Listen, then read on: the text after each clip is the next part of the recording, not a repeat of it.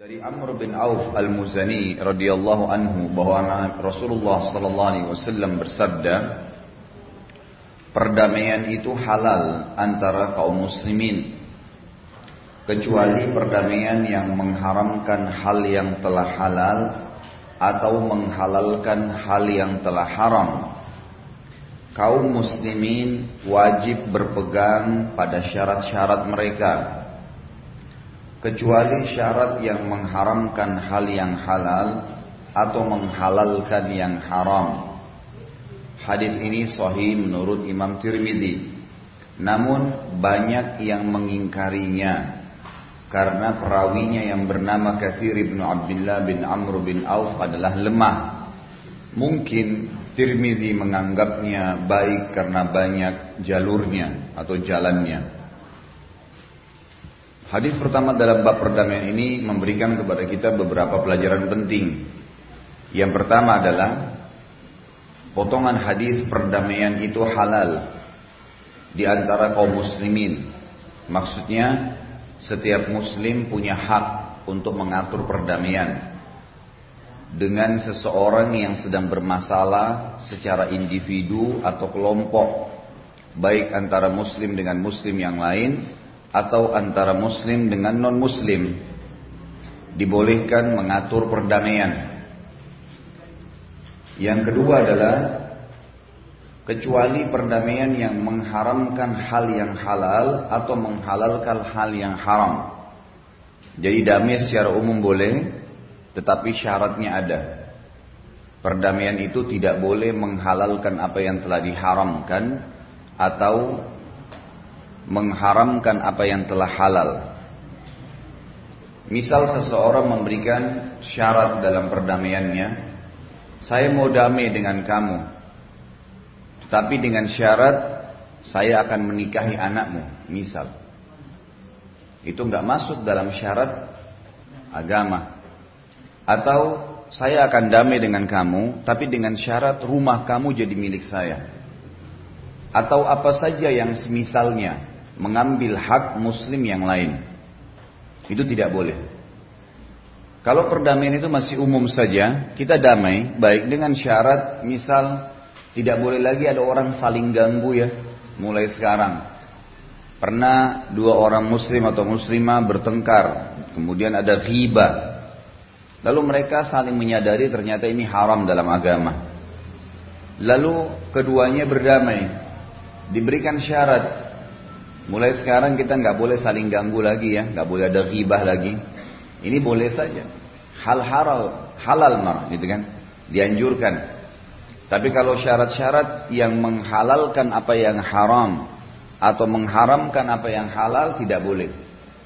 Tidak boleh atau tidak dianggap sah perdamaian tersebut. Ya. Di sini termasuk hal-hal disesuaikan dengan keadaan. Misal terjadi peperangan antara orang Islam dengan kafir. Lalu kaum muslimin pada saat musuhnya mengalah memberikan syarat boleh kalian tunduk, kalian kita damai, tapi dengan syarat kalian tunduk dengan hukum kami. Boleh, nggak ada masalah. Di sini tidak mendolimi orang kafir karena hukum yang sedang kita terapkan pada mereka adalah hukum yang benar, hukum Allah Subhanahu wa taala. Boleh orang muslim mengatakan kepada musuhnya orang kafir, boleh kita damai, tapi dengan syarat kalian tunduk dengan hukum kami.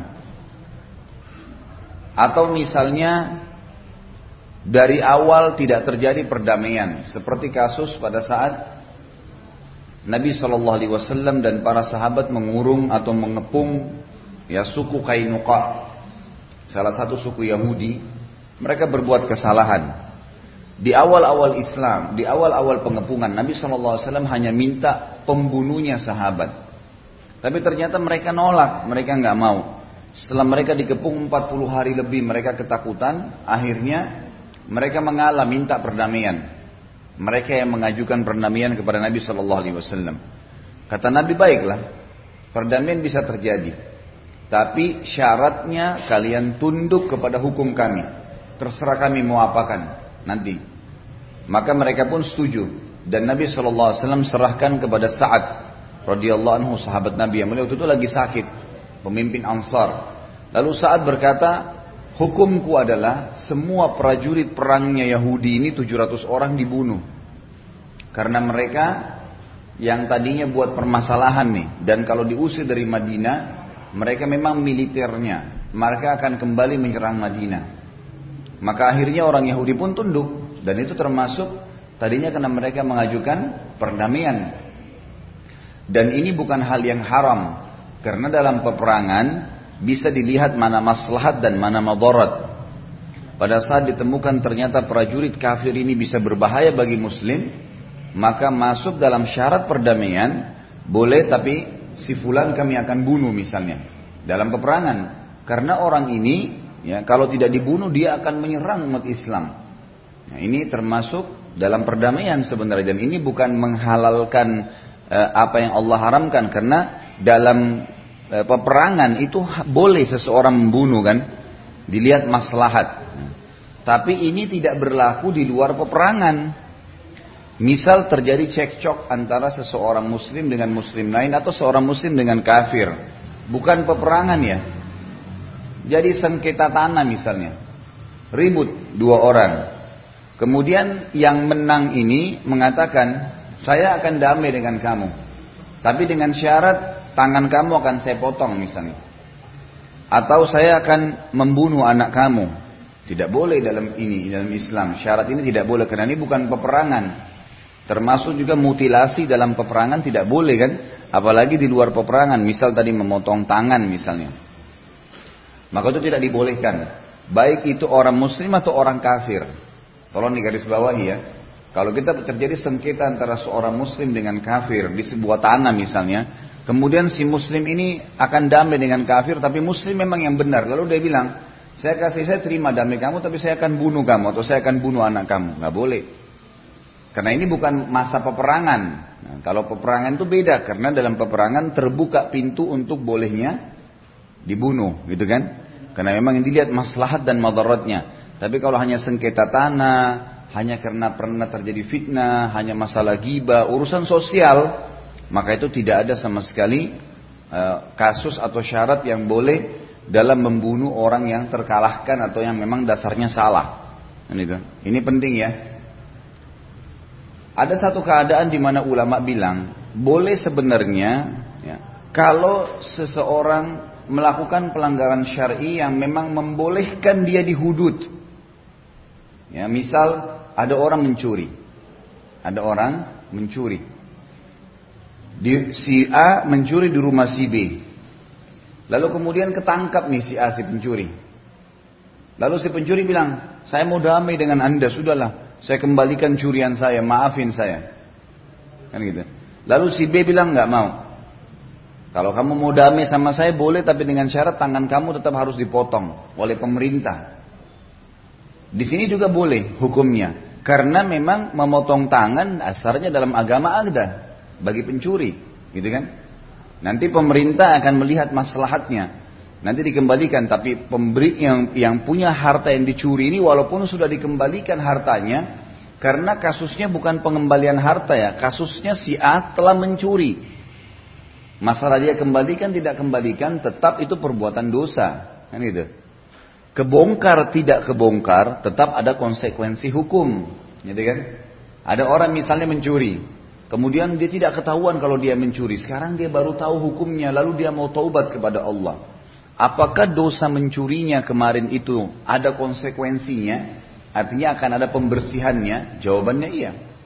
Mungkin dia karena tidak ketahuan tidak dipotong tangannya oleh pemerintah. Tapi akan datang cobaan-cobaan lain dalam hidupnya untuk membersihkan pelanggaran dosa tadi.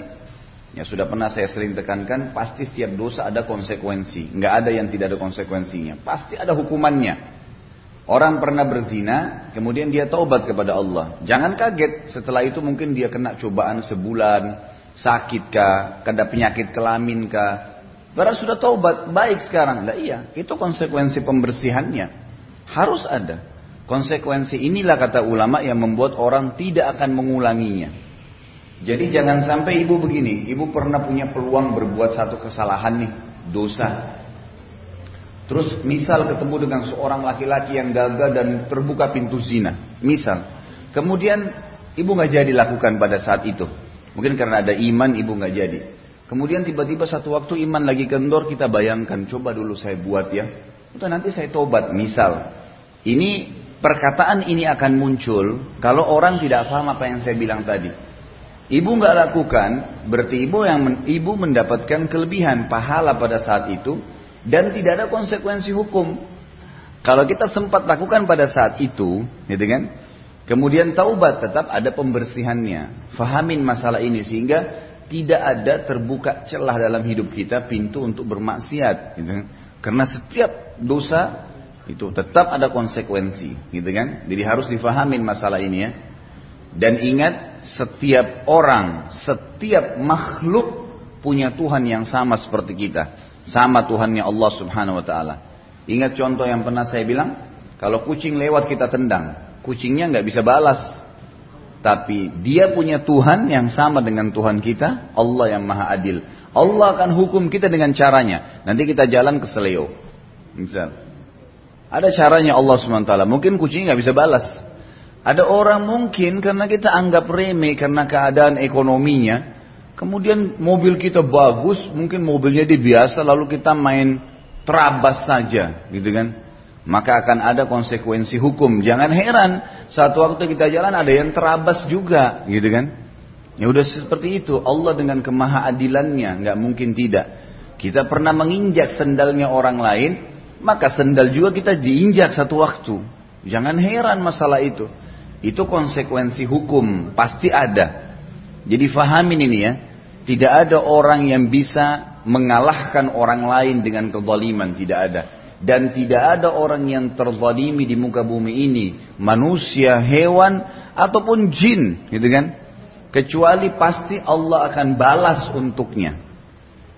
Allah akan balas untuknya sebagaimana sabda Nabi SAW al-jaza min jinsil amal Balasan akan datang sesuai dengan kadar perbuatan seseorang. Makanya kita pada saat mau damai, mau apa saja, maka jauh lebih baik kalau mendahulukan maaf tentunya, gitu kan memaafkan. Tapi kalau kita pun memberikan syarat, harus syarat yang tidak boleh mengharamkan apa yang Allah halalkan atau sebaliknya menghalalkan apa yang eh, mengharamkan apa yang Allah halalkan. Kemudian yang bisa diambil juga di sini dikatakan yang ketiga adalah kaum muslimin wajib berpegang pada syarat-syarat mereka. Kesepakatan. Dan ini pelajarannya besar sekali ya Bu. Bahwasanya setiap orang muslim kalau ada kesepakatan apa pun harus tertulis. Kesepakatan apa pun harus tertulis utang piutang, kontrak, sewa, investasi, semua tertulis. Semuanya tertulis. Allah mengatakan dalam surah Al-Baqarah faktubu, tulis semuanya. Memang ada buktinya nanti kalau ada tulisan, gitu kan? Tertulis. Kita utang sama orang ada tulisan. Bahkan sabda Nabi Shallallahu Alaihi Wasallam, janganlah seseorang di antara kalian terlintas di benaknya sesuatu yang dia khawatir kalau dia mati bermasalah untuknya, utangkah, punya masalah sama seseorang kah yang dia belum sempat minta maaf, kecuali dia sudah tulis dalam bentuk wasiat. Tulis wasiatnya. Saya utang sama fulan, utang saya sekian, saya begini dan saya begitu. Dan itu. Jadi memang harus ada ya, penyampaian-penyampaiannya ya. Supaya jelas hak-haknya orang lain dari kita akan diberikan, kita pun lepas dari konsekuensi hukum pada hari kiamat. Kemudian butir-butir kesepakatan yang ada wajib dipatuhi. Wajib dipatuhi. Ini yang dimaksud dengan al-mu'minula ala syurutihim. Orang mukmin, orang muslim harus patuh dengan butir-butir kesepakatan. Jadi makanya ibu-ibu kalau ikut di bisnis tertentu, kemudian ada akadnya, Jangan cuman parap di sini bu, tanda tangan di sini, main tanda tangan nggak baca apa isinya. Baca isinya apa tuh butir-butirnya yang kita tidak setuju coba coret. Saya nggak mau nih apa penjelasannya nih. Karena banyak orang ternyata main tanda tangan mengiyakan pada saat nanti ada konsekuensi hukum terakhir dia baru marah. Nah orang yang punya bilang, nah, buktinya ada di butir kok tertulis. Memang dia nggak baca, salah sendiri, gitu kan? Jadi memang harus jeli. Dan dalam hadis yang lain kata Nabi Shallallahu Alaihi Wasallam, al mukminu kayyisul fatin. Orang mukmin itu harus cerdas dan jeli. Ya, harus dua hal itu, cerdas dan jeli. Tanya, kritis, nggak apa-apa, gitu kan? Itu hak kita. Ya, tapi jangan berlebih-lebihan, nggak boleh berlebih-lebihan ya. Jadi artinya sudahlah kalau memang kita sudah tahu orangnya jujur, udah amanah, udah syaratnya ringan ya sudah ayo baiklah mudahin aja tawakal kepada Allah setelahnya gitu kan. Tapi yang jelas wajib tunduk dan patuh dengan syarat yang disepakati. Kemudian masuk yang lain dikatakan kecuali syarat yang mengharamkan hal yang halal atau menghalalkan yang haram sama tadi dengan perdamaian itu. Syarat-syaratnya harus tidak boleh menghalalkan apa yang diharamkan. Misal ada syarat dalam butir itu riba. Kamu kalau tidak e, melakukan seperti ini, kamu akan kena denda sekian persen. Riba nggak boleh, itu nggak boleh dipatuhi. Nggak ada keluarin, nggak bisa ini, gitu kan?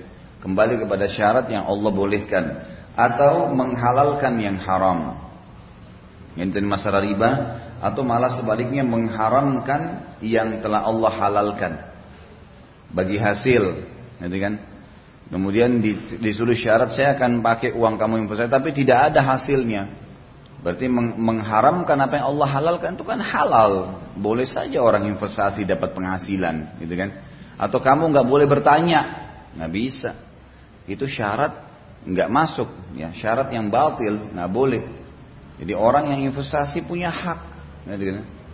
Orang yang punya rumah mau ngontrakin punya hak untuk nulis dalam akad kontraknya sebagaimana Anda terima sekarang, Anda keluar sama ya.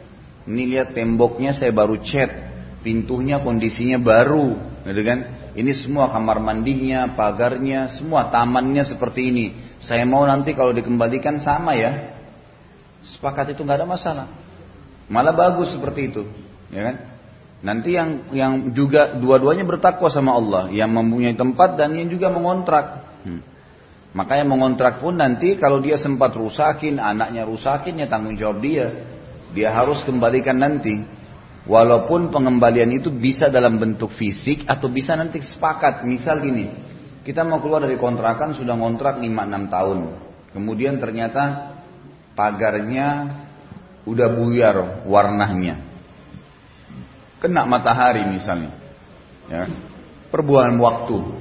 Atau terkelupas temboknya. Atau memang kamar mandinya ada yang rusak.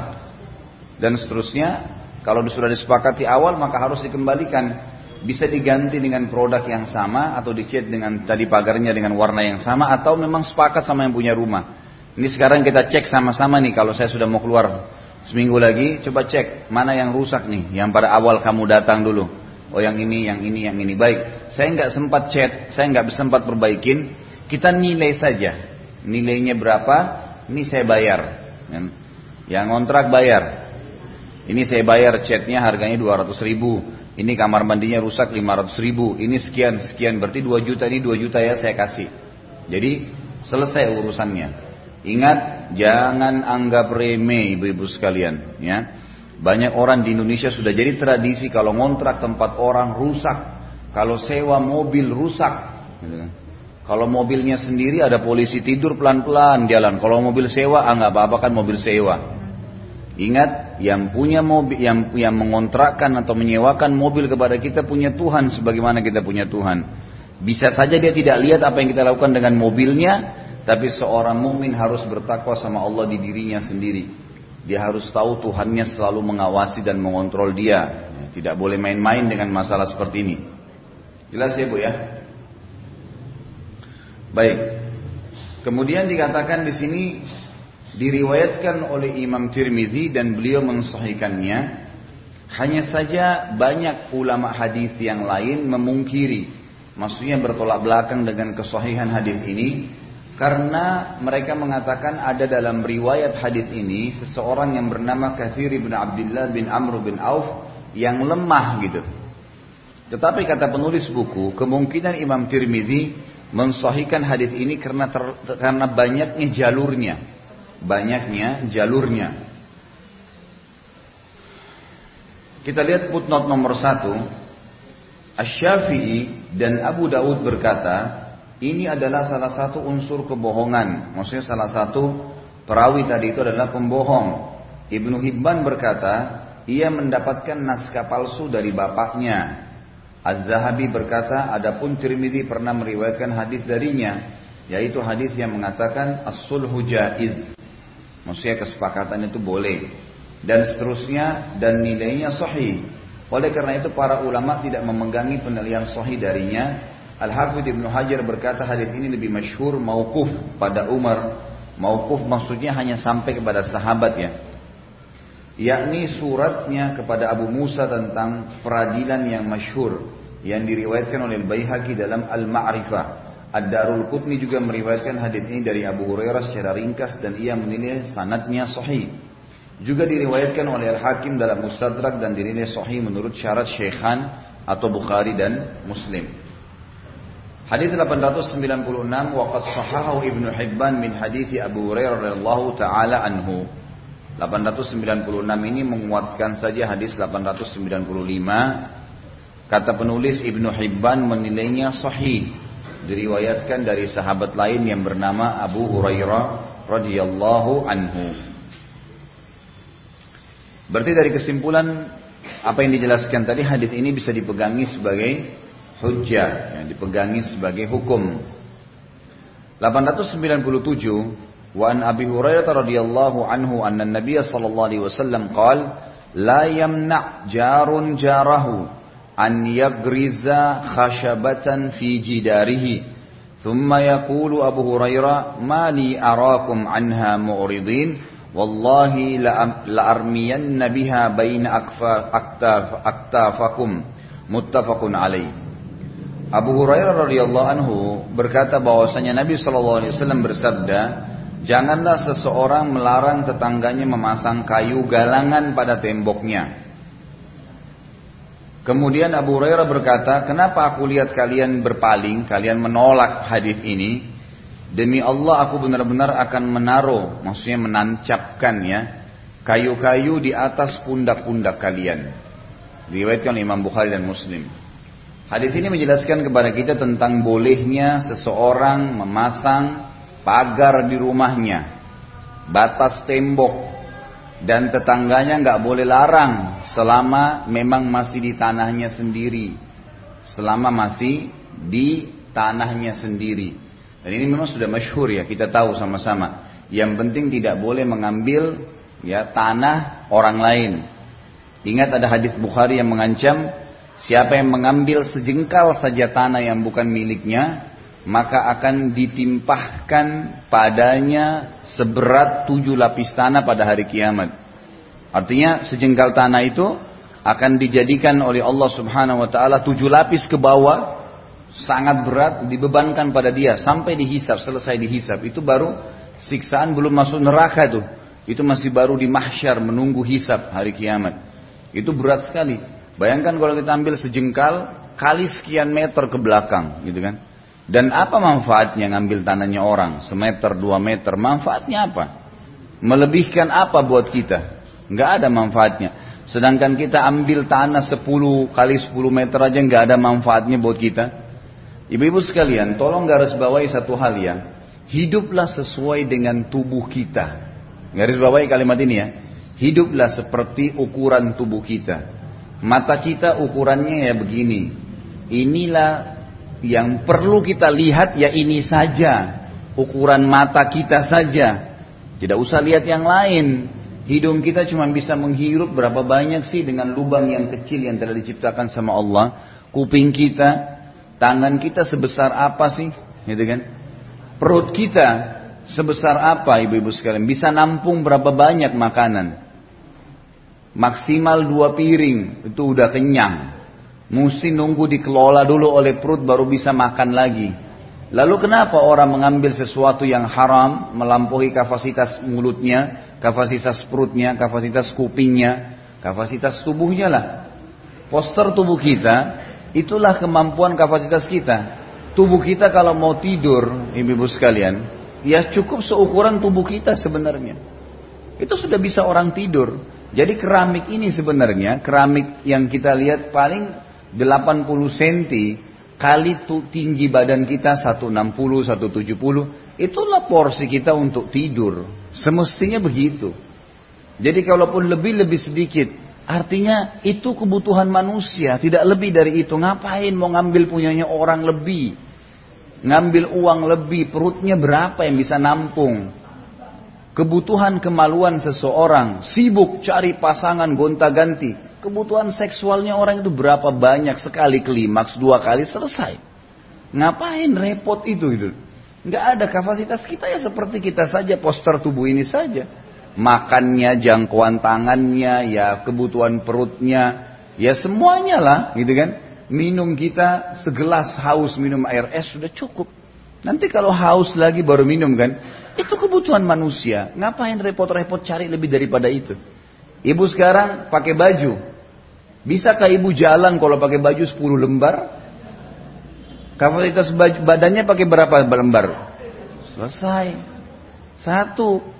Ngapain beli baju 70 biji bu? Iya, ganti oke okay lah. Mungkin 10, mungkin 5. Nanti kalau sudah kusam ganti lagi. Ngapain 70 baju di rumah? Kalau satu hari satu baju, 70 hari baru sampai gilirannya yang terakhir. Coba kapasitas kita ini dimaklumin dan juga kita kita nanti tidak tidak ketinggalan model, tidak ketinggalan zaman, karena tidak tamak, gitu kan? Coba ibu kalau masuk ke rumah makan, ada orang masya Allah kapasitas perutnya cuma sepiring dua piring, satu meja dipesan semua, dia sendirian, nggak makan. Oh nanti gampang dibungkus, pulang ke rumah. Memang pulang ke rumah bisa makan. Udah nggak bisa kecuali mau dikasih orang ya. Jangan tamak, nggak boleh tamak itu, nggak ada manfaatnya sesuai dengan kapasitas kita. Kapasitas tubuh ini sudah memberikan gambaran. Jangan sampai lebih dari itu, kan gitu. Jangan sampai lebih dari itu. Jadi cobalah tidak mubazir ya. Boleh punya persiapan. Jam tangan mungkin memang kita ada satu kita senang, yang kedua kita senang, tiga kita senang sudahlah. Tapi ada orang punya 30 jam. Untuk apa? Artinya kalau 30 hari dia hidup satu hari satu kali dia pakai warna merah, besok pink, besok biru, berarti hari ke-30 baru sampai yang warna hitam nanti gitu kan. Ngapain gitu? Apa ini? Terlalu berlebihan. Kapasitasnya di tubuh kita saja. Bukan tidak boleh punya cadangan ya, tapi jangan sampai keluar dari koridor Allah sudah ciptain di diri kita. Kesombongan seseorang bu, itu hanya seperti ukuran wajahnya saja. Kesombongan seseorang hanya seperti ukuran wajahnya. Apa kata Allah SWT? Jangan kalian busungkan dada kalian dan mengangkat wajah kalian karena sombong. Karena sesungguhnya kalian saja belum bisa mencapai tingginya gunung. Gak bisa. Orang kalau sombong ngapain? Ngangkat dadanya sama wajahnya. Itu saja. Tapi dengan itu bisa masuk neraka. Ngapain? Kenapa harus angkat wajah? Kesombongan itu cuma ukuran wajah kita. Apa yang mau diinginkan? Apa yang didapat gitu loh. Tidak ada sesuatu yang dilebihkan. Orang ingin dipuji oleh orang lain. Pujiannya seperti ukuran lidahnya. Kamu cantik ya, kamu hebat ya. Selesai. Kadang-kadang ada orang mempertaruhkan nama baiknya, ibadahnya. Tadi malam setengah mati, sholat malam, sujud sampai nangis sama Allah dua jam. Pagi-pagi setan bisikin, temanmu nggak tahu loh kalau sholat malam. Uh, tadi malam saya menangis, enak sekali. Ujung-ujungnya hanya apa? Pujian dia. Oh iya ya, kamu sholat malam ya. Nih ukuran lidahnya, dua jam hilang pahalanya. Ngapain? Kunci nih mulut. Terutama ibu-ibu ini, maaf ya. Ini kalau soal cerita, masya Allah gitu. Ada yang boleh diceritain, ada yang tidak boleh. Coba rem, nggak boleh. Karena apalagi masalah ibadah ya, sayang kita sudah berbuat ibadah hilang, baru infak udah digoda sama syaitan. Apalagi kalau imannya kayak kerupuk diketuk sedikit pecah, gitu kan. Wah ini teman-temanmu nggak tahu itu. Mereka belum tahu tuh rumah anak yatim sana. Coba kamu bilang, eh di sana ada rumah yatim infak yuk saya sudah bantu setahun di sana. Ya.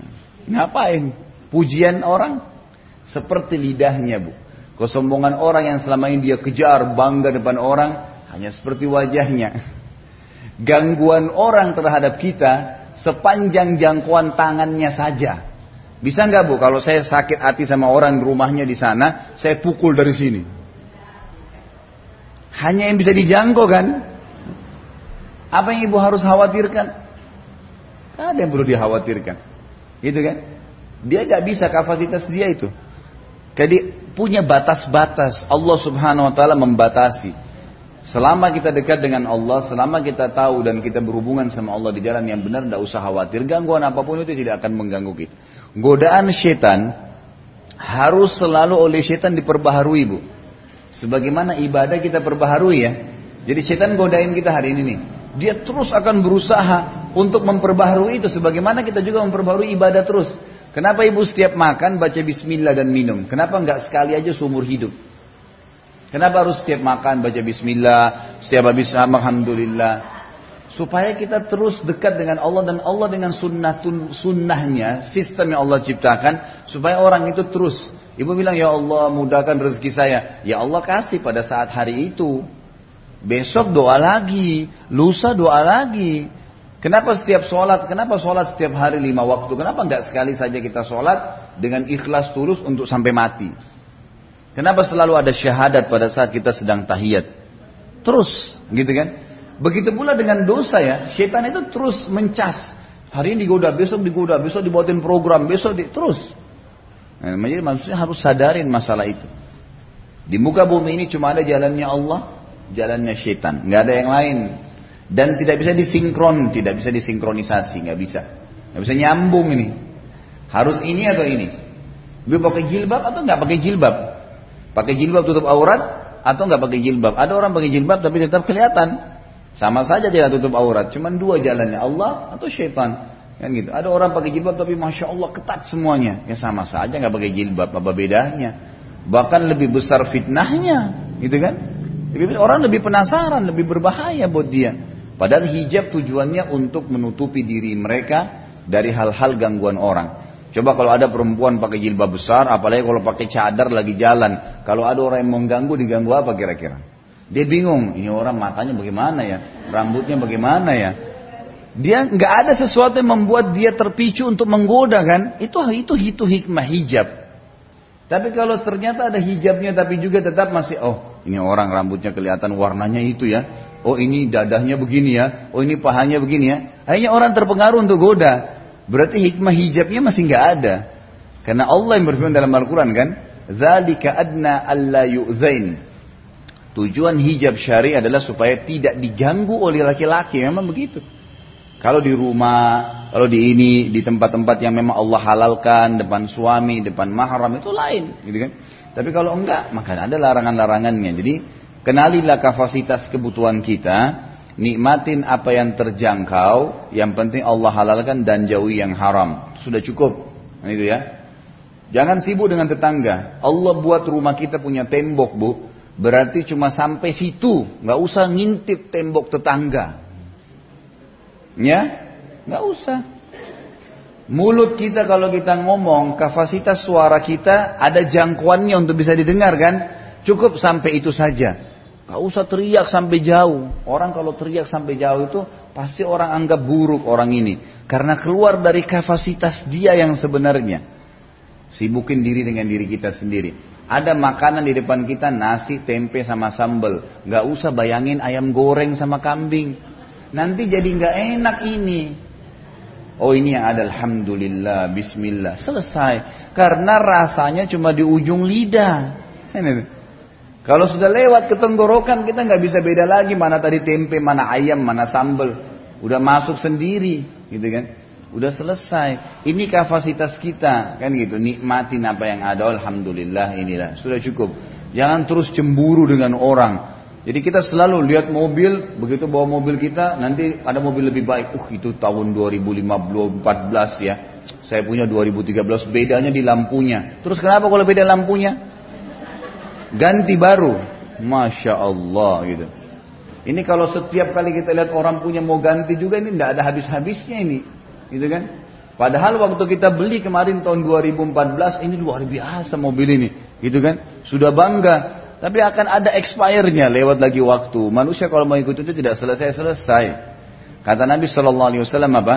Manusia itu tidak pernah puas kecuali nanti sampai di kuburan dan tanah kuburan masuk ke mulutnya. Harus hati-hati. Kenali kapasitas kita, nikmatin apa yang terjangkau, udah nggak usah lebih daripada itu. Ingat ya, tidak boleh lewatin tembok tetangga. Nah, tidak usah sibuk dengan orang, apalagi yang bukan tetangga. Tiap hari nonton TV gosip tiap hari. Ini bukan cuma tetangga ini jauh di kota lain, mungkin di negeri lain sibuk baca koran, sibuk dengan keadaannya orang. Kenapa nggak baca Quran? Setiap huruf 10 pahala. Nggak ada manfaatnya. Jadi nggak ada manfaat sama sekali. Saya dulu punya pribadi bu. Saya suka ikutin berita tuh, hampir tiap hari saya ikutin berita yang positif gitu kan. Satu waktu subhanallah saya tersibukkan mungkin dua bulan nggak pernah baca koran, nggak pernah dengar berita gitu kan. Saya pikir mungkin saya ketinggalan informasi nih. Ternyata setelah dua bulan ada informasi baru nih, ya gitu. Saya baru dengar. Ternyata yang dua bulan itu pun saya ketinggalan, sudah tidak ada lagi, udah dianggap selesai berlalu. Artinya tidak ada namanya orang ketinggalan informasi. Ya, kita bisa pelajarin pada saat kita butuhin kok. Kan gitu.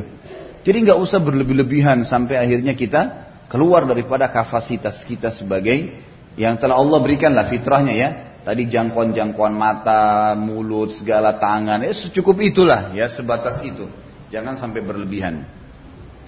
Dari hadis ini kita ambil pelajaran tidak boleh melarang tetangga untuk menancapkan pagar, kayu, membuat tembok itu hak dia. Ya, tidak ada yang penting jangan mengambil haknya orang lain. Masuk di dalamnya tadi hikmah-hikmah imania yang saya bilang tidak boleh juga mencampuri apa yang di sana. Bu, kalau ibu bertamu ke rumah orang, dipersilakan masuk ke ruang tamu, duduk di ruang tamu. Titik. Matanya nggak usah jelalatan ke mana-mana. Lihat ke dalam itu kursinya di dalam warna apa ya? Hmm. Kira-kira dia di dapur ini pakai merek apa itu pancinya? pusing. Kulkasnya baru kali ya. Untuk apa? Duduk di depan, kebutuhan kita apa? Ya sudah itu saja. Orang mukmin itu bu, kalau dia keluar dari rumah seseorang, dia nggak tahu ada apa di rumah situ. Hanya sebatas dia ngomong. Mungkin kalau ditanya tadi orang itu pakai baju apa? Oh iya dia pakai baju merah. Udah selesai. Kamu tahu nggak kulkasnya merek apa? Nggak tahu. Karena begitu kadang-kadang kita yang masuk, lihat meja makannya, oh kamu ini beli di mana ya? Oh pusing dengan keadaannya orang lain. Nanti pada saat dia nggak dapat jadi bingung. Hmm. Saya belinya di Inggris bu ini. Nah, gimana caranya ngejar tuh? Bilang sama suaminya, Pak beli dong nanti kalau ke Inggris. Gitu. Ibu itu beli piring dari Inggris. Emang kalau piring dari Inggris sama Jakarta berbedanya sama Indonesia? Sama saja. Lebih enak malah pakai daun pisang. Nggak ada di Inggris daun pisang. Gitu. Jadi jangan berlebihan, ya.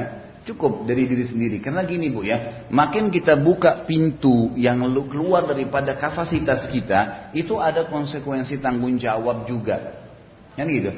Misal gini, kita lagi jalan nih, ibu nggak, ibu nggak ngelihat sana sini, ibu jalan sesuai dengan kebutuhan saja, gitu kan? Pas ada kemungkaran, ada seorang muslimah nggak pakai jilbab. Oh itu kewajiban kita kan, ya Allah berikan hidayah. Tapi kalau mata kita jalankan sana sini makin banyak kemungkaran, makin banyak konsekuensi tanggung jawab kan? Kan ini harus dipungkiri, harus dipungkiri, harus dipungkiri kan jambah banyak. Jadi kalau kita keluar dari kapasitas kita, itu akan banyak tanggung jawab tanggung jawab yang lain. Ada orang datang, ibu biasakan ya, kalau dia bertanya jawab. Ibu kalau bertanya sesuatu yang perlu, jadi jangan buka PR, gitu kan? Anak-anak pulang sekolah, tadi belajar apa nak? Belajar ini. Oh iya. Gak usah tanya, guru pakai baju apa tadi? Ya itu. Loh ini contoh. Ibu mungkin sudah kelas, kalau punya cucu mungkin, kalau punya anak kecil lain. Kadang-kadang begitu. Tadi ustazanya, gurunya bagaimana? Ini, itu. Tadi di kantin jual apa saja? Nggak perlu. Lebih baik fokus pelajarannya selesai. Contoh saja ya. Contoh. Jadi membuka pertanyaan, melampaui kapasitas jangkauan mata, jangkauan tangan, ada konsekuensi tanggung jawab. Apa kata Allah dalam Al-Quran? A'udhu billahi minasyaitonir rajim. Ya ayyuhalladzina amanu La tas'alu an asya'a in tubdalakum tasukkum kata Allah. Hai orang-orang yang beriman, jangan terlalu banyak bertanya yang nanti kalau Allah turunkan sesuai pertanyaan kalian maka akan memberatkan kalian. Akan memberatkan kita sendiri gitu kan? Udah yang kelihatan, mungkar kita ingatkan, yang ma'ruf kita dukung, selesai. Udah itu aja. Kan gitu. Makanya ciri orang-orang soleh dulu itu, mereka lebih banyak sibukkan diri berzikir, baca Quran.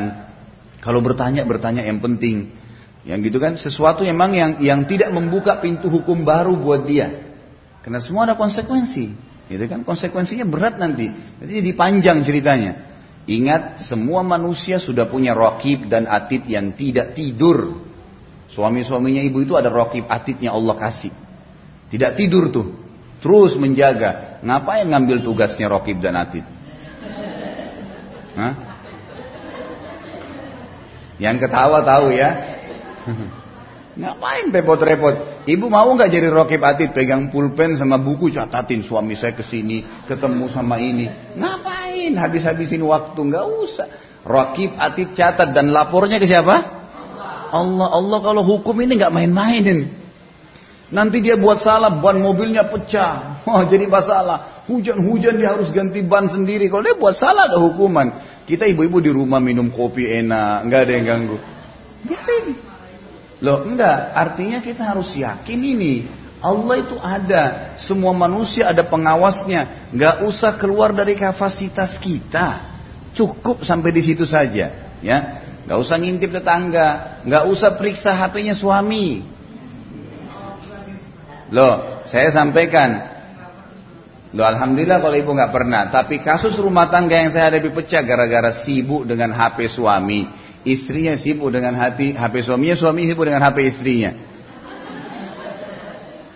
Ada orang itu, laki-laki banyak punya masalah kasus, tidak percaya sama istrinya. Pulang ke rumah, begitu masuk, siapin makan dong, masuk dapur, diambil HP istrinya, periksa. Pusing tadi hubungin siapa nih? Nanti kalau dia temukan satu nomor yang aneh gitu tuh. Tadi kamu hubungin siapa tadi? Oh si ini si ini. Istrinya lupa misalnya itu. Mungkin ada teman barunya. Kamu nggak hubungin nomor lain. Ini tuh buktinya siapa ini? Loh ini orang mau makan, mau pulang, hilangin capek kok menjadi buat masalah. Nggak usah. Dia kalau buat salah, ada Tuhan yang akan menghukumnya. Dan kalau kita lihat depan mata, memang Allah buka depan mata kita itu baru kita lurusin. Itu saja kapasitasnya supaya tidak ada tambahan PR saja ya. Supaya hidupnya lebih tenang, awet muda, rambut putihnya lebih sedikit. Itu. Hmm. Baik.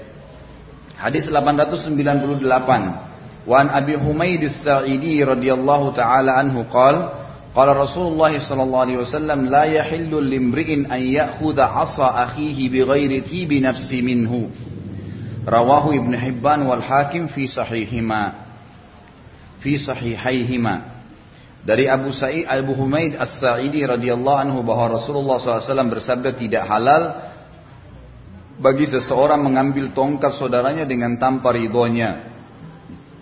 Ridho diperbaikin ya, L-nya diganti dengan H itu. Riwayat Ibnu Hibban dan Hakim dalam kitab Sahih mereka. Footnote nomor satu hadis ini diriwayatkan oleh Al Baihaqi dari As-Sa'id, ya, As-Sa'id bin Yazid dan menilainya Hasan. Selanjutnya berkata bahwasanya hadis Abu Humaid adalah yang paling sahih dalam bab ini. Hadis ini memberikan pelajaran kepada kita tidak boleh. Jadi zaman Nabi zaman Nabi Shallallahu Alaihi Wasallam rata-rata sahabat itu pakai tongkat bu ya, bukan karena tua, tetapi Tongkat itu kalau orang tidak bawa pedang maka mereka pakai tongkat. Biasanya di daerah padang pasir itu kalau mereka adakan perjalanan musim panas atau musim dingin anginnya kencang dan orang butuh penopang, gitu kan? Makanya rata-rata mereka pakai tongkat. Tongkat ini tujuannya kadang-kadang juga kebanyakan mereka mengembala kambing. Seperti ingat kisah Nabi Musa alaihissalam dalam Al-Quran kan? Waktu Allah panggil dia ke eh, ke lembah yang berkah untuk Allah bicara dengannya lalu ditanya, "Hai Musa, apa di tangan kananmu itu?" Kata Musa, "Tongkatku yang aku gunakan untuk mengatur gembalaanku." Lalu Allah bilang, "Lemparlah hai Musa." Maka berubah menjadi ular yang besar, gitu kan? Ya itu contoh. Nabi Muhammad SAW juga pakai tongkat. Para sahabat juga umumnya begitu.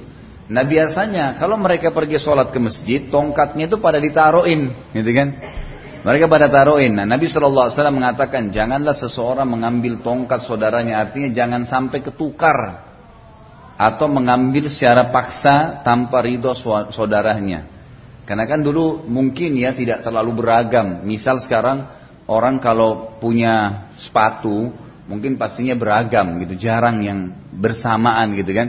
Kalau zaman dulu mungkin jenis tongkat ya tongkatnya satu ya sama semua warnanya. Maka dia harus tahu yang mana dia punya. Tidak boleh sampai mengambil punya saudaranya. Intinya dalam hadis ini kita ambil pelajaran tidak boleh mengambil barang orang lain. Dan ini masuk dalam bab perdamaian, maksudnya agar tidak terjadi perselisihan satu sama yang lain. Jadi tidak boleh sampai mengambil punya saudara kita kecuali dengan ridhonya. Dengan ridhonya. Kalau ibu-ibu pernah dengar istilah warak ya. Warak itu seseorang menjaga hubungannya dengan Allah Subhanahu wa taala. Masih ingat kisah Imam Nawawi kan? Yang saya pernah sampaikan, tetangganya hilang kambingnya, dia tidak mau beli kambing di pasar sebulan. Tetangganya hilang kambing, dia nggak mau beli kambing sebulan. Khawatir kambing yang dia beli hidup atau sudah jadi daging, itu kambing tetangganya yang diambil oleh pencuri dijual. Sebulan dia nggak mau makan. Sampai dia pastikan memang kambing tetangganya itu sudah mati atau tetangganya ridho. Baru dia beli makanan. Tuh bayangin tuh hati-hatinya gitu kan. Padahal ini tetangganya, nggak ada hubungannya sebenarnya. Tapi sampai seperti itu. Abu Bakar radhiyallahu anhu pernah ibu-ibu sekalian, dia punya budak laki-laki, budak laki-laki ini bekerja dengan dia, gitu kan? Jadi selalu kalau bekerja apa nanti dibawain eh, makanan untuk Abu Bakar gitu. Abu Bakar sering kalau pulang tanya, kamu dapat dari mana nih makanannya? Gitu kan? Kamu kerja di mana tadi? Oh saya kerja di sini tuan, saya ini hasilnya saya belikan gitu kan? Terus satu waktu Abu Bakar lagi lapar, pulanglah budaknya ini bawain makanan. Sama Abu Bakar langsung dimakan. Langsung kata budaknya, tidakkah anda tanya dari mana makanan ini seperti biasanya? Kata Abu Bakar, saya begitu lapar dan saya percaya sama kamu. Coba kamu jelasin dari mana? Kata dia, ya kata budak itu tadi di tengah jalan Waktu saya ke sini saya temuin orang-orang jahiliyah, maksudnya orang-orang kafir. Lalu saya berpura-pura menjadi dukun. Seakan-akan faham sesuatu tapi saya bohongin mereka. Lalu mereka berikan kepada saya balasan, gitu kan? Jadi hanya main-main menipu orang dapat duit. Oh. Kemudian saya belikan makanan ini. Apa yang Abu Bakar buat bu? Dikorek mulutnya, dimuntahin. Nggak mau masuk barang haram di perutnya, gitu kan? Jadi harus hati-hati, gitu kan? Kalau mau masuk ke rumah orang, ditaruh kue pun lagi lebaran, bu saya makan ya. Nggak apa-apa, ucapin gitu kan. Ini begitu masuk langsung buka, makan dulu semua. Maaf ya tadi saya makan, tapi udah masuk semua di mulutnya. Permisi dulu gitu kan. Jadi kita harus punya warak namanya ya, menjaga hubungan dengan Allah Subhanahu wa taala. Jadi jangan sampai kita sembarangan gitu ya. Seperti itu gambarannya. Jadi dari hadis ini kita ambil pelajaran tidak boleh mengambil sesuatu, menikmatin sesuatu kecuali dengan ridha pemiliknya. Ada orang mau safar keluar kota, nitip ke ibu mobilnya. Bu titip mobil ya, baik. Titip lo ya. Boleh nggak ibu pakai? Gak boleh. Kecuali memang ibu sudah bilang, kalau saya ada perlu nanti bisa nggak saya pakai mobilnya? Oh iya boleh. Atau telepon ke dia. Maaf ya saya kendaraannya lagi nggak ada bisa pakai mobil kamu nggak? Ya sudah. Kalau nggak diangkat ya nggak usah pakai taksi. Nggak boleh. Jaga kehormatan kita. Itu kehormatan kita bukan masalahnya sama dia ya, sama Allah yang menilai. Allah menilai di sini, dinilai kita. Jadi walaupun tidak ada yang lihat, Allah melihat kita. Allah itu maha basir, maha melihat, sami, maha mendengar, alim, maha mengetahui itu sifat Allah taala. Jadi seseorang harus bisa menjaga hubungannya dengan Allah Subhanahu. Para ulama salaf dulu kalau sholat malam biar lagi tidak ada orang tetap sholat. Ada orang memang tiba saatnya tetap dia ibadah. Pokoknya dia tidak peduli dengan manusia. Ya tujuannya dia dengan Allah Subhanahu. Jadi jaga itu ya. Jangan sampai kalau ibu-ibu masih ingat mungkin pernah ada sesuatu yang diambil punya temannya, punya kerabat, Ya, mungkin kita ambil karena senang, lupa bilang, ingat, kembalikan barang itu. Ya, walaupun hal-hal kecil, karena sekecil apa pun benda itu bisa menjadi penyebab kita nanti ada azab kubur, ada konsekuensi hisab hari kiamat. Ngapain? Ibu kalau utang sama orang 2 juta, ibu belum bayar misalnya. Nanti deh gampang, gampang, gampang tunda. Terus meninggal dunia, gitu kan? Ahli waris kita nggak ada yang tahu. Kira-kira bu, ketemu sama orang yang milik piutang hari kiamat, masih bisa dibayar dengan 2 juta rupiah? Kalaupun bisa, dari mana ibu mau ambil di akhirat uang 2 juta? Pertama, yang kedua sudah tidak laku 2 juta. Yang jadi masalah akan dibayar dengan 2 juta pahala. Berapa banyak tuh diambil pahala kita? Kan gitu. Karena orang yang dizalimi itu bu hari kiamat dia akan mengambil pahala orang yang menzaliminya dan tidak disebutkan kadarnya. Terserah dia. Kan bahaya sekali kan? Jadi nggak boleh main-main masalah gitu. Haknya orang lain kembalikan dan nikmatin apa yang sesuai dengan kapasitas kita saja. Selesai, gitu kan? Cukup itu. Ini yang kita ambil daripada beberapa hadis berhubungan dengan bab perdamaian ada satu, dua, tiga, empat hadis ya. Baik, kita masuk sekarang ke bab al-hawalati wad Bab pemindahan dan penangguhan hutang. Ya.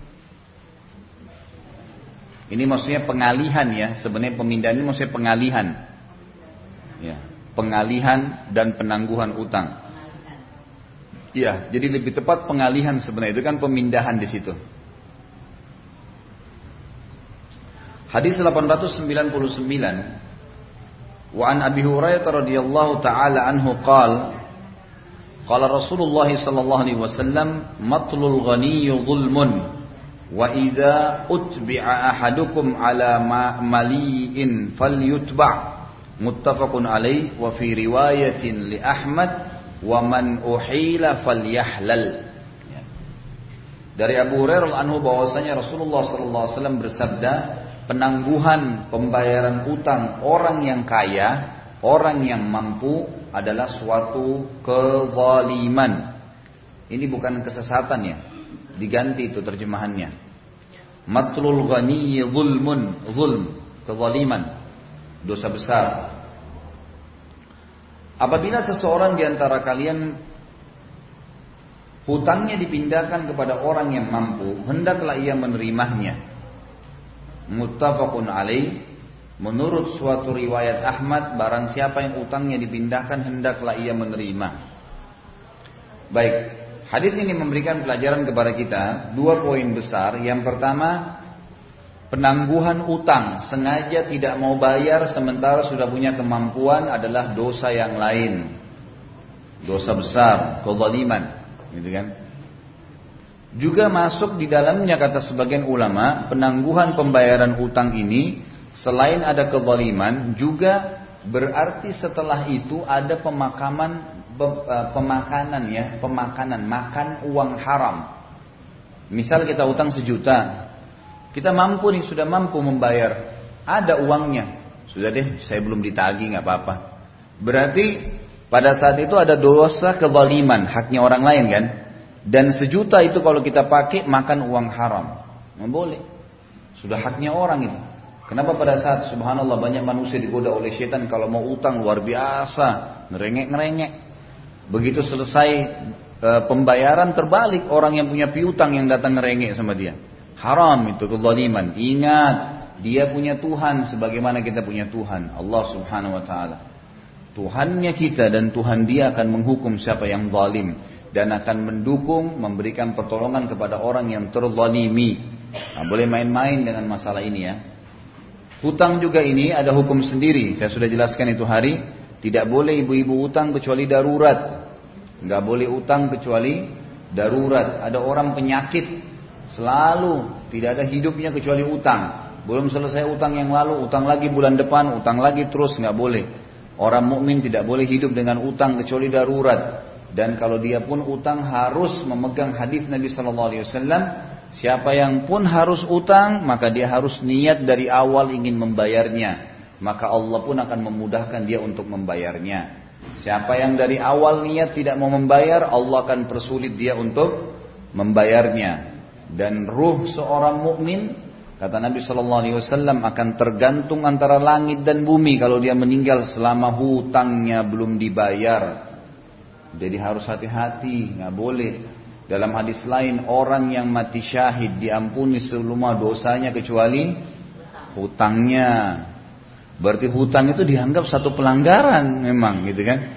Makanya kalau nggak darurat nggak usah. Darurat sekali memang penting, nggak bisa, apalagi kalau kita sudah tahu pasti akan ada ya. Ibu mau beli buku, ibu mau beli sesuatu pakaian, ada penting mendesak lagi di jalan, di mall, di pasar sama teman, memang nggak bawa duit, ATM-nya kelupa. Ya udah, saya pakai uang kamu dulu ya, karena kita tahu kita akan bayar nantinya gitu kan. Itu nggak boleh ditunda ya, tiba rumah langsung transfer kasih, selesaikan gitu kan. Jadi jelas karena utang ini termasuk dianggap bagian pelanggaran. Bisa jadi dosa besar kalau sengaja ditunda. Ya jelas ya. Jadi harus diketahui. Ini poin yang pertama. Poin yang kedua dari hadis ini adalah siapa di antara kalian yang hutangnya dipindahkan kepada orang yang mampu. Misalnya ibu punya utang nih. Ibu sebenarnya nggak mampu bayar, lagi berusaha. Terus tiba-tiba ada teman yang bilang, sudah nggak apa-apa saya yang bayarin dia utang kamu. Enggak, enggak usah, enggak usah. Jangan, biarin aja. Oh ya sudah nggak apa-apa. Kita lepas dari tanggung jawab utang, dia dapat pahala, nggak apa-apa kalau memang dia mau bayarin. Hadis ini menekankan agar orang itu menerimanya. Kalau ditawarin untuk dibayarin utangnya, ini bukan masalah tercoreng harga diri, bukan. Karena ajal kita tidak tahu kapan datang, gitu kan? Ini saya mau ambil sesuatu benda ya, saya utang dulu ya. Terus teman kita bilang nggak usah, nggak usah, biar saya bayarin deh. Ya udah jazakallah khair. Nggak apa-apa. Gak masalah itu bukan aib kok. Karena kita bukan minta ya. Lain kalau orang memang tidak punya harga diri dari awal ngambil barang macam-macam sengaja supaya temannya bayar itu itu nggak baik gitu kan. Tapi kalau ini nggak, memang kita lupa nggak bisa apa-apa. Tapi barangnya kalau saya nggak bawa sekarang butuh mendesak. Baik sebentar saya balik ya. Terus teman kita bilang nggak apa-apa, biar saya yang bayarin deh. Ya udah silahkan. Dia zakillahu khair. Gak ada masalah. Jadi hadis ini malah dianjurkan tadi kita mengiyakan Ya, mengiyakan justru itu poin bagian daripada ibadah kita dan bagian ibadah daripada orang yang mau membayarkannya. Ini pelajaran juga ya. Dan ini ulama bilang ditekankan karena hutang berbeda dengan yang lainnya. Hutang bisa jadi pelanggaran. Kita jalan nih utang, lupa kalau punya utang. Memang kita nggak ingat, tetap ada konsekuensi hukum. Kalau meninggal gimana? Kalau yang punya utang nggak maafin, tetap ada masalah hari kiamat kan gitu berat. Makanya nggak usah ditunda. Dan ingat ya, dari sini juga kita ambil pelajaran ibu-ibu sekalian. Setiap perbuatan yang bisa dilakukan pada saat itu selesai, selesaikan. Nggak boleh tunda. Ada pekerjaan ibu bisa selesaikan sekarang nih. Cuma butuh 10 menit, sabar, sabarin, selesaikan dulu. Ini nggak belum selesai satu, pindah kerjaan lain, pindah kerjaan lain. Nggak selesai-selesai. Nggak boleh. Kata Nabi SAW dalam hadis sahih riwayat Abu Daud, Inna Allah yuhibbu min abdin idha amila amalan an yudkhinahu. Allah cinta seorang hamba kalau dia kerjakan satu perbuatan dia tuntaskan, selesaikan. Jadi selesaikan satu perbuatan baru pindah, gitu kan? Jadi harus kita tahu ya supaya memang selesai urusan itu, jangan ditunda. Ini nggak ada pekerjaan besok deh, lusa deh, terus. Ini kapan ini dehnya habis nih, gitu kan? Terus nanti besok deh, lusa, minggu depan deh, bulan depan. Kamu udah selesai belum? Belum. Gitu kan? Belum selesai selesai. Ini termasuk waswas syaitan yang membuat orang-orang menunda. Enak tuh kalau selesai kerjaan tuh enak, tuntasin. Nah ini penting untuk diselesaikan. Makanya ini juga diperintahkan dalam agama kita. Baik hadis yang kedua di bab ini ya, hadis nomor 900. Wa an Jabir wa an Jabirin radhiyallahu taala anhu qal tufiya rajulun minna fagassalnahu wa hannatnahu wa kaffannahu ثم أتينا به رسول الله صلى الله عليه وسلم فقلنا تصلي عليه فحط حط فخط خطا ثم قال عليه دين فقلنا ديناران. فانصرف فتحملناهما أبو قتادة فأتيناه فقال أبو قتادة الديناران. Alayya faqala Rasulullah sallallahu alaihi wasallam haqqul gharim wa bari'um minhum al mayyit qala na'am fa shalla alaihi rawahu Ahmad wa Abu Dawud wan Nasa'i wa sahahu Ibnu Hibban wal Hakim Jabir radhiyallahu anhu berkata ada seorang laki-laki di antara kami meninggal dunia. Ini sahabat meninggal ya pada saat itu. Lalu kami memandikannya, menutupinya dengan kapan, eh, dengan kapas dan mengkafaninya. Kemudian kami mendatangi Rasulullah SAW dan kami tanyakan, apakah baginda akan menyolatkannya? Apakah anda mau mensolatinya ya Rasulullah? Beliau melangkah beberapa langkah kemudian bertanya, apakah ia mempunyai utang? Kami menjawab dua dinar. Hmm. Maka beliau pun kembali, nggak nggak jadi mensolati orang itu. Maka Abu Qatada menanggung hutang tersebut ketika kami mendatanginya. Abu Qatada berkata, dua dinar itu menjadi tanggunganku. Lalu Rasulullah SAW bersabda, betul-betul engkau tanggung dan mayit ini terlepas darinya, dari utang? Abu Qatada menjawab, iya. Maka beliau menyolatkannya. Riwayat Ahmad, Abu Dawud dan Nasai hadis sahih menurut Ibnu Hibban dan Hakim. Footnote nomor satu, As-San'ani berkata, kalimat hakul gharim dibaca nasab sebagai masdar untuk menguatkan makna yang terkandung dalam kalimat ad-dinanar ad-dinanari ad-dinan ad-dira ad-dinaraini ad-dirarain ad-dirarani alayya. Ad-dinana ad-dinanari alayya. Ya. Dalam riwayat Ahmad digunakan kalimat qad af qad afwa ya. Qad awfa alaihi haqqul gharim. Allah telah memenuhi hak orang yang berhutang ya. hadis ini Ya tadi dijelaskan dalam putun ini As-Sana'ani tentang masalah grammar bahasa Arabnya ya. Tapi yang kita ambil pelajaran adalah pertama Nabi Shallallahu Alaihi Wasallam selalu kalau mau mensolati jenazah tradisi beliau menanyakan punya utang atau tidak. Dan ini juga pelajaran besar. Waktu Nabi Shallallahu Alaihi Wasallam dia punya tahu punya utang dan belum ada yang lunasin, baik dari harta warisnya, walinya, atau orang Islam secara umum, maka beliau tidak mensolatinya. Dan ulama mengeluarkan sebuah hukum di sini, kalau ada mayit meninggal dan punya utang, maka seorang alim nggak boleh mensolatinya. Ulama nggak boleh solatin, orang awam boleh. Sebagaimana Nabi Shallallahu Alaihi Wasallam tadi berhenti untuk mensolati orang ini, kecuali dalam keadaan memang benar-benar ada yang menanggungnya. Ini pelajaran pertama ya. Pelajaran yang kedua yang diambil daripada hadis ini, setiap muslim dianjurkan berlumba-lumba untuk menyelesaikan utang saudaranya muslim yang lain. Makanya dalam salah satu ya, cara untuk mengalokasikan zakat adalah pelunasan, pelunasan utang, gitu kan? Karena ini juga berat, ini juga e, besar pahalanya. Ada sebuah hadis yang berbunyi kata Nabi SAW dalam hadis Bukhari Muslim, Man farraja an muslimin kurbatan fi dunya farrajahu Allahu min kurabin yaumal qiyamah. Siapa yang menyelesaikan perkara, permasalahan, beban, kata ulama hadis adalah utang. Seorang muslim di dunia, Allah juga akan selamatkan dia dari beban-beban yang berat pada hari kiamat. Jadi termasuk fadilah orang yang melunasi utang orang lain. Artinya Allah SWT akan berikan dia atau selamatkan dari masalah hari kiamat. Jadi kalau ada orang yang memang masih punya utang, kita berlumba-lumba lah selesaikan. Termasuk sodakah yang besar ya. Bahkan ulama mengatakan puncak sodakah seseorang itu pada saat dia sengaja mencari saudaranya muslim yang bermasalah lalu dia selesaikan. Itu puncaknya. Jadi ibu kalau keluar nih mau sodakah, ya apa namanya? Kebetulan kita lagi keluar ada fakir miskin lewat, minta bantuan kita kasih. Itu ada pahalanya. Tapi beda pahalanya lebih besar lagi kalau seandainya ada orang keluar sengaja mencari orang susah. Emang tujuan keluarnya mau sodakah? Itu lain pahalanya, beda. Ya. Ada orang sengaja memang sisipkan zakat malnya untuk bayar utangnya orang. Beda dengan orang yang kebetulan kedatangan, saya terlilit utang bayarin, dibayarin sama dia. Jadi beda kalau diprogramkan ya.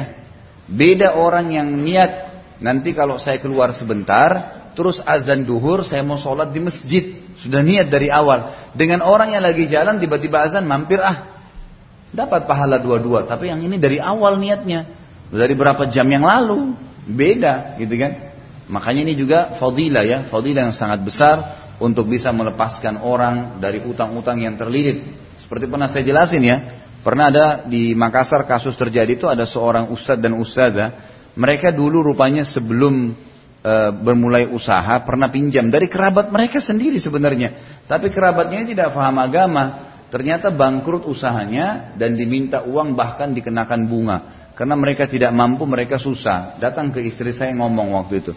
Gini, begini dan seterusnya. Saya akhirnya telepon, oke lah kita cariin jalan. Itu 10 juta jumlahnya. Saya mau hubungin siapa waktu itu saya lagi nggak pegang dana. Saya teringat ada satu jemaah saya tapi di Irian. Orang ini memang pengusaha gitu kan. Tidak tahu kenapa Allah ingatin ke dia gitu. Saya langsung SMS akhi. Kalau antum masih punya zakat, ini ada satu orang ustadz dan ustazah ini terlilit utang di Makassar 10 juta rupiah. Ini kesempatan antum bebaskan supaya mereka terlepaskan dari masalah ini. Subhanallah tiba-tiba dia bilang baiklah Ustaz, saya, saya langsung kasih transferkan saya transfer saya bilang nggak usah ke saya, langsung ke dia saja. Enggak enggak biar ini resmi yayasan gitu. Baiklah ditransfer ke saya lalu kita kasih. Itu ibu-ibu tahu sampai datang istri saya cerita datang ke rumah sampai nangis-nangis itu. Mereka sampai nangis, oh terima kasih luar biasa karena sama ini mereka terlilit utang ini sudah mungkin setahun atau dua tahun susah hampir tiap hari ditagih, diteleponin setengah mati. Bayangkan ini kalau ini penjabaran saya ya, semenjak kita bayarkan utangnya itu sampai dia kapan pun ya hidupnya tenang itu kita dapat pahalanya. Bukan cuma pada saat itu saja. Karena dia akhirnya bisa hidup tenang selama dia hidup jadi baik. Saya kasih contoh ya, ibu bisa curi, maaf, tanda kutip ya. Ibu bisa mengambil pahala itu dengan hal-hal yang kecil. Contoh, cobalah kalau ibu lagi naik mobil, ada mobil lain mau lewat, kasih kesempatan dia jalan. Karena kalau ibu kasih kesempatan dia jalan, sebentar. Kalau ibu kasih kesempatan dia jalan, ini kan tadi dia terhambat nih. Ibu berhenti mengalah, dia jalan. Insya Allah selama dia jalan ke tujuannya ibu dapat pahala. Jalan. Insya Allah jalan, gitu kan? Enggak, insya Allah jalan. Saya pernah praktekin bu, soalnya hampir setiap saat di Jakarta Sampai kadang-kadang waktu awal saya naik di mobil itu istri saya bilang, pada saat orang mau lewat saya kasih mau nyebrang, minta jalan dikasih kesempatan. Saya lihat durasi saya tiba di pengajian antara saya begitu dengan saya buru-buru sama saja. Ada hal-hal kadang-kadang campur tangan Allah di sini yang kita tidak sadarin. Harus yakin dengan masalah itu ya. Lampu merah dibablas saja. Untuk apa? Tunggu aja sabar. Ya. Ini memang ibu-ibu yang di atas 40 tahun biasanya agak bersikeras dengan prinsip walaupun salah ya. Tapi insya Allah ilmu agama akan mengubah itu. Hmm. Jadi kalau tadi Ibu Dina langsung cut, kalau gitu nggak lewat-lewat kalau di Jakarta. Jadi kesannya nggak usah begitu. Janganlah bersikeras. Insya Allah coba dulu praktekin. Apalagi masya Allah ada supirnya, tinggal duduk tenang, enak. Urusannya supir udah baca Quran aja.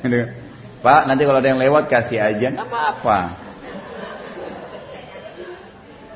Kalau ibu bawa mobil sendiri aja masih bisa sabar. Nah itu kan sudah mulai kendor tapi masih teka gitu. Sudah mulai kendor tapi masih keras aja. Baiklah. Intinya kita akan mendapatkan pahala dari situ ya bisa kesempatan mengambil pahala di hal-hal yang kadang-kadang orang nggak pikir. Gitu. Cobalah ya nikmatin hidup ini, jangan semuanya tergesa-gesa.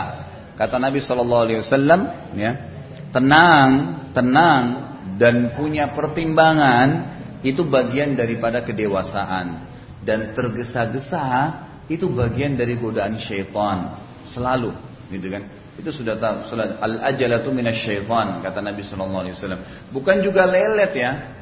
Bukan juga orang tuh oh lambat sekali enggak. Enggak boleh karena Nabi sallallahu alaihi wasallam itu kalau jalan cepat, beliau kerjakan cepat tapi selalu cepat, tepat dan rapi. Gitu. Jadi pekerjaannya memang benar gitu kan. Harusnya begitu. Baik selanjutnya. Hadis 901. Wa an Abi Hurairah radhiyallahu taala anhu anna Rasulullah sallallahu alaihi wasallam kana yu'ta birrajulil mutawaffa alaihi ad-dainu fayas'al. Hal taraka lidainihi man qada? Itu eh, atau lidainihi min qada ya. Fa in hudditha annahu taraka wafa'an shalla alaihi wa illa qala sallu ala sahibikum. Falamma fatahallahu alaihi al-futuha qala ana aula bil mu'minina min anfusihim faman tuwfiya wa alaihi daynun fa alayya qada'u Muttafaqun alaihi wa fi riwayat al-Bukhari faman mata wa lam yatruk wafa'an. Dari Abu Hurairah anhu bahwasanya Rasulullah sallallahu alaihi wasallam bila didatangkan kepada beliau orang meninggal yang menanggung hutang. Ada utangnya. Beliau bertanya dulu, apakah ia meninggalkan sesuatu untuk melunasi utangnya? Ada nggak dari warisannya yang bisa bayar utangnya? Jika dikatakan bahwasanya ia meninggalkan sesuatu untuk melunasi utangnya, artinya utangnya pasti akan terbayar karena warisannya cukup. Beliau menyolatkannya. Jika tidak, beliau bersabda, solatkan, solatkanlah ini.